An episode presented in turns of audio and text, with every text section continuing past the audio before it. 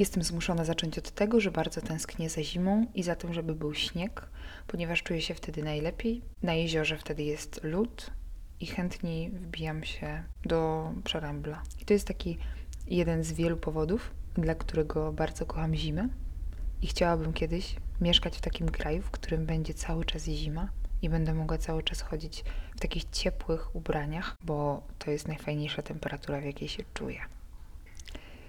Cześć Wam. Dzisiejszym tematem podcastu y, nie jest co prawda zima i moja miłość do niej, natomiast miłość do psa, która jest wyzwaniem, ponieważ jest wiele powodów, dla których nie warto mieć psa. I o tych powodach chciałabym dzisiaj z Wami porozmawiać, a właściwie porozmawiać sama do siebie, bo w sumie mówię w jedną stronę i to też jest dla mnie wyzwanie, to żebyście byli świadomi tego, że często jest tak, że nagrywam coś, co potem próbuję odsłuchać i strasznie szybko to kasuję, bo zupełnie się nie podoba mi to. I dzieje się tak. I nie wiem, czy inni tak mają, ale z filmami mam dokładnie tak samo. Um, nagrywam niektóre po parę razy, bo cały czas mi się coś nie podoba. I to pewnie nie dlatego, że jestem skończoną perfekcjonistką, ale dlatego, że wydaje mi się, że każda nowa wersja będzie lepsza. I wpadam w taką pułapeczkę sobie. Wracając do tematu, a propos tego psa, na którego charakter absolutnie nie mamy wpływu, na to jaki on jest, trafia do nas do domu, nieważne skąd, czy to jest adopcja, czy to jest kupno, czy on przychodzi jako szczeniak, czy jako dorosły pies. W momencie, w którym decydujemy się na zajęcie tym zwierzęciem, musimy pokochać tego zwierzaka takim, jaki on jest. I nie mamy kompletnie wpływu na to, e, czy będzie szybko machał ogonem, e, czy będzie kładł jedno ucho, czy, y, czy będzie je mm, stawiał do góry, czy będzie lubił e, o, ścielić sobie wyrko w, w lewo albo w prawo. Nie mamy wpływu kompletnie na to, e, czy będzie, y, jak będzie robił kupę, to będzie się obracać na przykład trzy razy najpierw, bo każdy pies zachowuje się inaczej. Czy może będzie sikał długo i raz, czy może kilka razy i krótko, jest masa zachowań psów, na które totalnie nie mamy wpływu. Wybierając oczywiście sobie rasę psa, możemy mieć wpływ na pewne zachowanie, no bo po coś ta rasa została stworzona. Więc pewne cechy rasy, osobowości jak najbardziej y, psy prezentują sobą.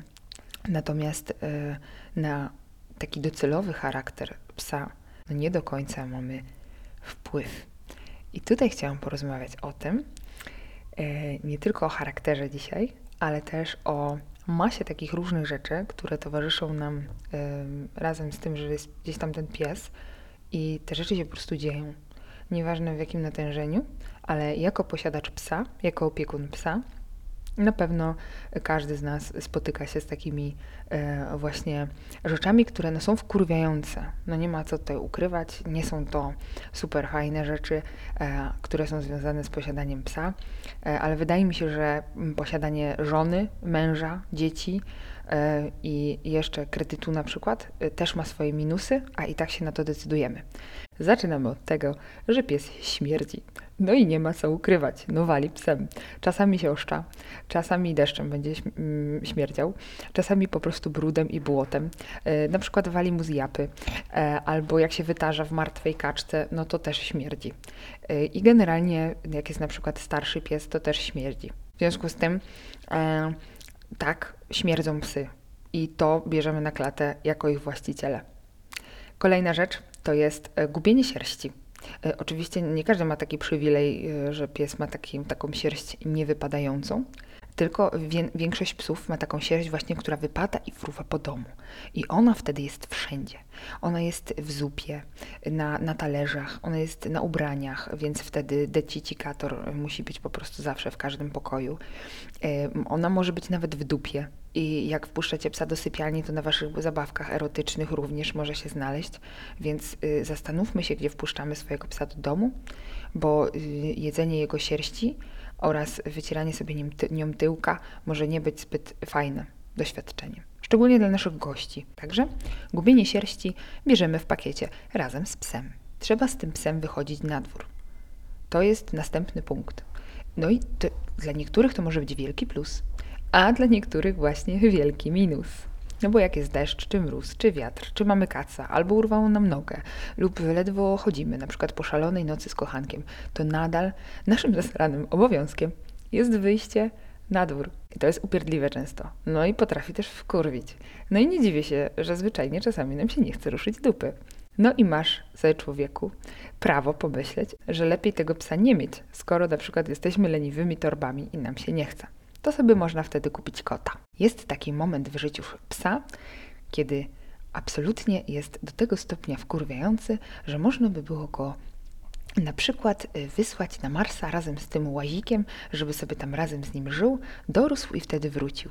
A mianowicie mówimy tutaj o okresie szczenięcym, kiedy wasz szczeniaczek zjada wam dom.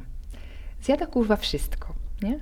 I szczeniaki to jest w ogóle osobna grupa psów, która moim zdaniem testuje każdego człowieka. One mają taką misję z góry, od jakiegoś takiego, takiej opatrzności, żeby każdego człowieka testować, czy jest w stanie na przykład kogoś zabić, albo jak duże ma pokłady cierpliwości, żeby nie wyrzucić przez okno.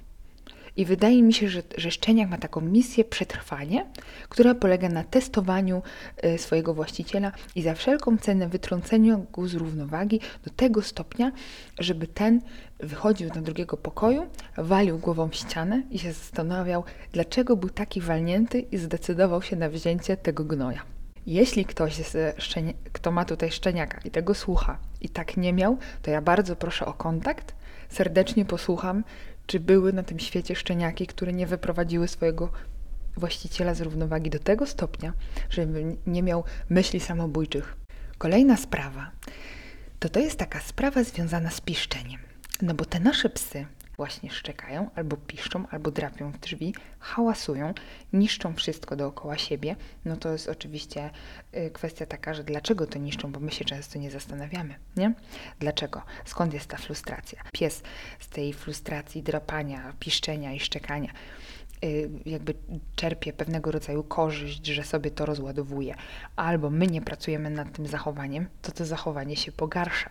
I wtedy wpadamy w takie, w takie kółko, bo nie jesteśmy w stanie tego przerwać. Oczywiście często zdarza się tak, że y, y, idziemy do trenera psów czy behawiorysty, żeby nam ktoś rozwiązał ten problem, ale najczęściej jest właśnie tak, i tutaj pieski hotelowe, które do mnie trafiają, są takimi małymi atencyjnymi gnojkami. Natomiast taki pies za wszelką cenę stara się zwrócić naszą uwagę. A my co robimy? Najczęściej zwracamy tą jebaną uwagę. Nie uczy się wtedy zajmowania sobą, tylko uczy się, że jeżeli chce naszej uwagi, to ją od nas dostaje. Hm. I na tę sytuację można oczywiście spojrzeć z dwóch stron. Z jednej strony, jeżeli pies ma niezaspokojone potrzeby i próbuje zwrócić naszą uwagę, że jednak rozpiera go energia i chciałby sobie tę energię zużyć, no to to jest nasza wina, że nie zużyliśmy tej jego energii odpowiednio. A pies niestety, jak pójdzie sobie pobiegać przez pół godziny z innymi psami, to nie zmęczy się tak bardzo, jak na przykład na treningu zwęszenia albo z myślenia, albo na przykład z treningu z, na treningu z pracy z przedmiotem, bo to dopiero zużywa energię psa w taki sposób, że nie musi skakać po meblach, gryźć ścian i rozpieprzać wszystkiego, co się da, no i oczywiście piszczeć. I tutaj jest jeszcze tak, że my tych psów nie uczymy, że nie mamy dla nich czasu. Czyli jak sobie taki człowiek ma takiego psa w domu i ten pies sobie żyje z nim w domu i może z nim pójść nawet do kibla, to wtedy ten pies nie wie, że on będąc w domu musi na przykład zająć się sam sobą, bo my tego z naszych psów nie uczymy. W żaden sposób nad tym nie pracujemy z tymi psami i niestety, ale później okazuje się, że pies nie potrafi się zachować w wielu sytuacjach, a my jesteśmy bezsilni. Dlatego, jeśli mamy być bezsilni w stosunku do tego, jaki ten pies jest, żeby zaakceptować jego charakter, ale też umieć nad tym pracować i wiedzieć, że trzeba, no to to jest kolejny minus posiadania psa. Bardzo dużo musi wody w rzece upłynąć, żeby osoby, które decydują się na posiadanie psa, wiedziały, w jaki sposób zaspokoić potrzeby tego zwierzęcia. Kolejnym powodem jest to, że pies jest kosztowny. No tak, pies je. I to dobrze by było, żeby to nie było pedigree albo jakaś pasza dla świń, tylko normalnie porządna karma, która jest teraz dostępna na rynku, wiadomo, wszędzie praktycznie i to w dobrych cenach. I można taką porządną karmę nawet kupić i wtedy dawać psu. Bo jak już się decydujemy na psa, no to wiadomo, że on będzie jadł i to nie może jeść jakiegoś byle gówna. I tutaj jeśli chodzi o koszty, to jest nie tylko karma, ale weterynarz, jakieś treningi, jakieś akcesoria, worki na kupę, to wszystko kosztuje. I to jest ogromny minus posiadania psa. Jeśli kogoś po prostu na psa nie stać, to niech nie ma psa. Mój ulubiony punkt, bo nie chce nam się po nim sprzątać. Ja chyba nie będę dorzucać komentarza do tego punktu, ponieważ przygotowuję dla Was na YouTubie y, szkolenie ze sprzątania psiej kupy. Mm. Jest taki jeden kolejny minus, że pies się ślini i y, tak czasami mocno i tak, takie fafloki ma, y, albo się na przykład osra, albo się właśnie tak unora dziwnie i trzeba go potem wycierać, albo jeszcze nas unora tym wszystkim. W sensie, jeżeli komuś się chce na taki widok wymiotować, to rzeczywiście nie powinien mieć w ogóle psa. No a jak jedziemy na wakacje, to nie ma z kim zostawić tego psa. No i tu jest ząg. Bo jak masz spoko psa, to jeszcze możesz go zostawić u jakiejś ciotki, nie? Ale y, jak twój pies jest chodzącym rozpierdolem i y, po drodze jak tornado zamiata wszystko z powierzchni ziemi, co minie, no to już jest ciężko. Dlatego y, jeśli nie masz zamiaru y, pracować nad swoim psem na tyle, żeby go komuś dać pod opiekę, kiedy jedziesz na wakacje, bo halo, tutaj jest apel do wszystkich, my musimy również czasami pojechać na wakacje bez psa, bo to, że jest pies w naszym życiu, to naprawdę nie znaczy, że trzeba z tym psem być 24, 365 dni w roku i go nie opuszczać na krok. Więc y, od Odpoczynek od psa, tak samo jak od dzieci, męża, żony, ciotki, wujka i wszystkich naokoło i od pracy jest nam potrzebny. Więc jeśli decydujemy się na psa i nie mamy zamiaru pracować nad jego zachowaniem na tyle, żeby go dać komuś pod opiekę, kiedy wyjeżdżamy na Mazury bądź w Bieszczady, wypierdalamy na dwa tygodnie, aby nikt nam nie przeszkadzał, to naprawdę nie warto brać psa. Kolejnym powodem, dla którego mm, nie warto mieć psa i wydaje mi się, że mm, to nie jest nawet jakby powód, tylko to, że w przypadku na przykład adopcji e, psa, my zwyczajnie możemy nie wiedzieć, jak się z takim psem zająć. Nie? I to jest często właśnie powód, dla którego najbardziej boimy się zaadoptować psa, wziąć psa pod swoją opiekę e, i wtedy no, nie decydujemy się na mm, zajęcie się takim psem. Czy to jest złe? No absolutnie nie. Jeżeli przed samym sobą jesteśmy w stanie stwierdzić, że zadanie, które chcemy sobie wziąć na barki razem z tym całym zestawem zostawiania gdzieś na wakacje, ślinienia się, wycierania mu dubska, yy, pracowania nad tym, że pies piszczy, yy, jak zjada dom, jak jest szczeniakiem, tak? I to są wszystko te minusy, które się pojawią i to nie jest tak, że o, mój pies będzie taki wspaniały i on nigdy nigdy nie zniszczy nic w domu. No, niestety nie. Tak nie będzie. Będzie zawsze robił jakiś rozpierdol i z tym psem będzie zawsze jakiś problem. I zawsze, jeśli będziemy mieli go w domu, to będziemy musieli wykładać na niego pieniądze. I to są właśnie wady posiadania psa. No ale posiadanie innych rzeczy również jest wadą. No, na przykład chujowych przyjaciół ale w każdej dziedzinie można znaleźć dużo powodów, dla którego nie warto mieć w swoim otoczeniu jakiegoś człowieka, przedmiotu, zwierzęcia.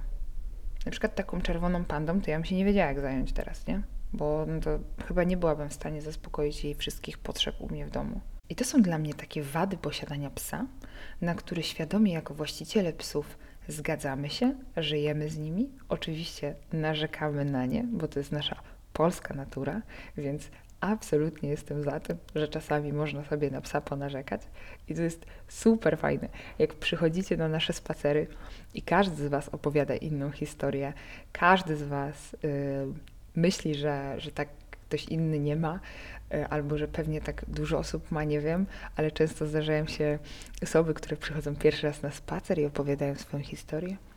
I połowa osób, która ją słucha, odpowiada, nasz bubuś ma tak samo.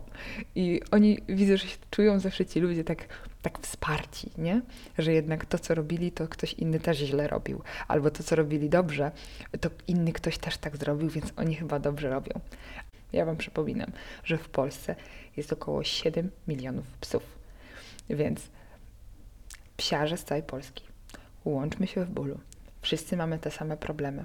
Tutaj nie powiedziałam w ogóle o tym, że pies może być jeszcze chory, albo może być tam mm, z nim jakiś grubszy problem, albo na przykład mamy problem, że się dzielimy nim bo po, po rozstaniu i to też jest taka wada, że jak sobie bierzemy psa, jak jesteśmy, wiecie, couple i potem nagle stwierdzamy po trzech latach, że jednak już nie jesteśmy razem i nie chcemy razem mieć szczoteczki do zębów w jednej łazience, no to wtedy ten pies sobie musi jakoś poradzić z tą sytuacją. I to też jest taka trochę wada. Więc y, mogę tutaj Wam dać radę, o którą mnie prosicie. Bierzcie psa solo. Niech każdy ma swojego. Bardzo Wam dziękuję. Małego z salonu. A, jeszcze zapomniałam. Życzę Wam wesołych świąt, bo w tym roku już się nie usłyszymy.